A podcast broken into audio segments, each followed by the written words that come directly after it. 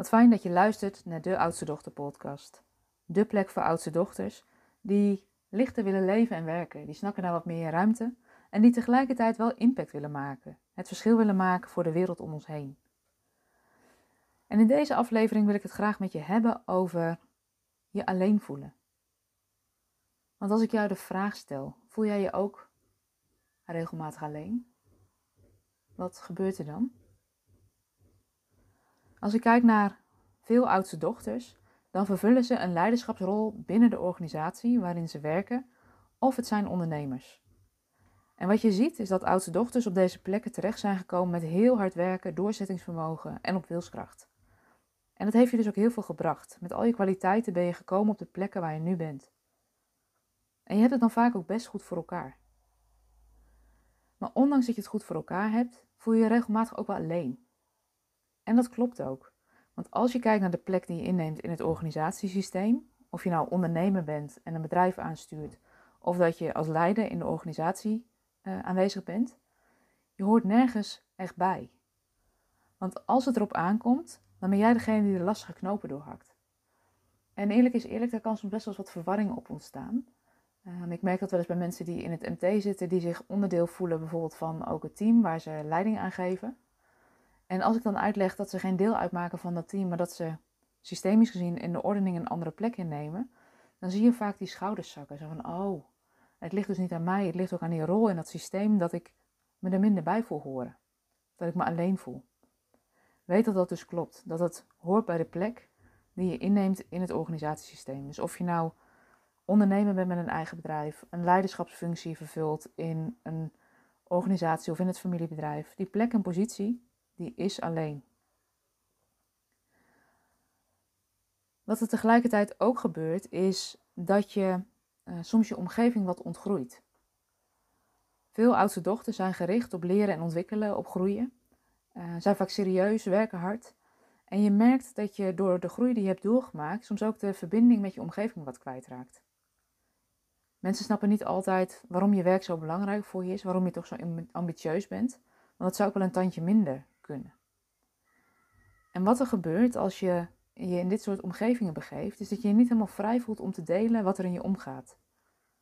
Je omgeving begrijp je niet altijd, je voelt je niet altijd begrepen. En het kan ook zijn dat je het gevoel hebt dat je altijd sterk moet zijn. Dat je het altijd moet weten. En dat je onzekerheid ook niet op tafel durft te leggen uit angst dat ze denken dat je niet goed genoeg bent voor de klus of voor de opdracht die je vervult. En dat kan best eenzaam en alleen aanvoelen. En stel jezelf maar eens de vraag: is dat herkenbaar? Op welke plekken voel jij je misschien best wel eens alleen? Is dat op je werk? Is dat in je sociale omgeving? Misschien wel in je relaties? Misschien in je familie? En als je kijkt naar het ondernemerschap of het werken als leider in een organisatie, dan is dat vaak een enorme versneller in je persoonlijke ontwikkeling en in je professionele groei. En dat kan soms gaan schuren met de mensen die je al langer kent. En je raakt dan wat uit verbinding, terwijl verbinding ook juist zo belangrijk is voor jou.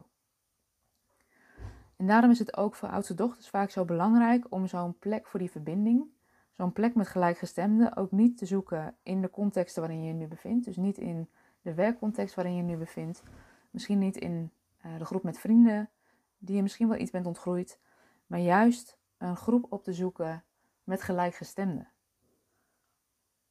En ja, als je kijkt naar de jaargroepen die ik ben gaan begeleiden vanaf 2019, dan is dit ook de aanleiding geweest om de jaargroepen te starten. Wat ik los van alle gesprekken hoorde van al die vrouwen die, um, met wie ik sprak in die periode, om gewoon goed in beeld te krijgen van waar sta je nu, waar wil je naartoe en waar loop je nou tegenaan, is dat ze eigenlijk allemaal los van elkaar zeiden: Ik heb het eigenlijk best heel goed voor elkaar. Uh, maar als het erop aankomt, dan ben ik uiteindelijk toch alleen. En wat ze ook allemaal zeiden is, ja, ik snak eigenlijk naar die verbinding. Ik snak naar een plek waar um, ik ook de ruimte heb om uit te zoomen, om tijd te nemen voor mezelf, om stil te staan bij waar ik sta, wat mijn volgende groeistappen zijn, waar ik kan reflecteren. En wat ze allemaal los van elkaar zeiden, is die tijd, die, ja, die, die plan ik al in in mijn agenda, die nemen we voor om het te gaan doen. Maar in de praktijk komt het er gewoon niet van. Er is altijd de agenda van een ander die leidend is. En toen ik dat hoorde, toen bedacht ik me, ja weet je, dan ga ik die vrouwen bij elkaar brengen. En daar ben ik inmiddels al een aantal jaar mee bezig. En het is iedere keer weer een feestje met die vrouwen om een jaar lang op ontdekkingsreis te gaan. Op ontdekkingsreis te gaan. Wie ben jij? Hoe neem je nou eigenlijk je eigen plek in? Hoe ben je nou trouw aan wat voor jou van waarde is? Um, het is heel fijn om alle thema's die spelen in je leven, of het nou gaat om werk, als het nu gaat over uh, je bedrijf aansturen, als het gaat over geld verdienen, als het gaat over de opvoeding van je kinderen, um, het leiden van je organisatie of je bedrijf, de ontwikkeling van een nieuw product of dienst, dat het er gewoon allemaal mag zijn. Want je bent gewoon een heel mens en al die delen die horen bij jou. En ja, wat ik met die jaargroepen ben gaan doen, is eigenlijk een plek faciliteren waar je in een vaste groep een jaar lang met elkaar op ontdekkingsreis gaat. En het voordeel is dat je elkaar goed leert kennen, meteen de diepte ingaat en daardoor um, ja, echt stappen gaat zetten. Echt andere dingen ja, anders gaat doen. Um, en dat is wat ik iedere keer weer zie aan het eind van de jaargroep. Je voelt je niet langer alleen. Je hebt het gevoel dat je het met elkaar doet. Uh, de thema's zijn vaak uh, universeel waar we tegenaan lopen. En het is gewoon ook een plek waar je ambitieus mag zijn. Waar je groot mag dromen, maar waar ook je onzekerheid er mag zijn. En als je nou voelt van, goh, maar dit lijkt me ook echt fijn. Ik wil ook een plek waar ik een jaar lang op ontdekkingsreis kan om mijn eigen leiderschap te verstevigen. Mijn eigen plek meer in te nemen. En niet door harder te gaan werken, maar door vanuit je hart te werken.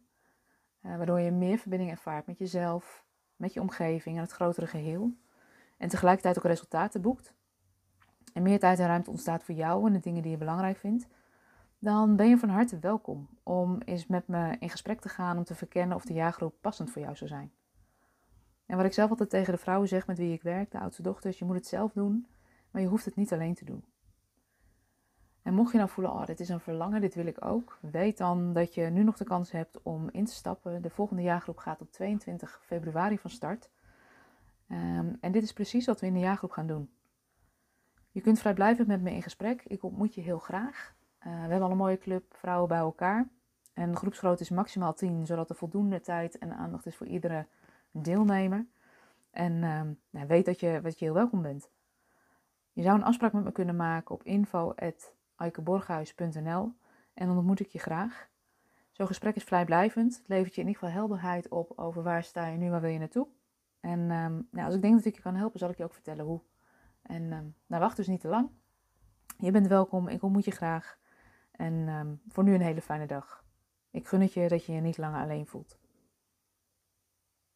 Vond je deze aflevering nou interessant? Abonneer je dan, dan krijg je een berichtje als er een nieuwe aflevering online staat. En ik ontmoet je graag. Fijne dag!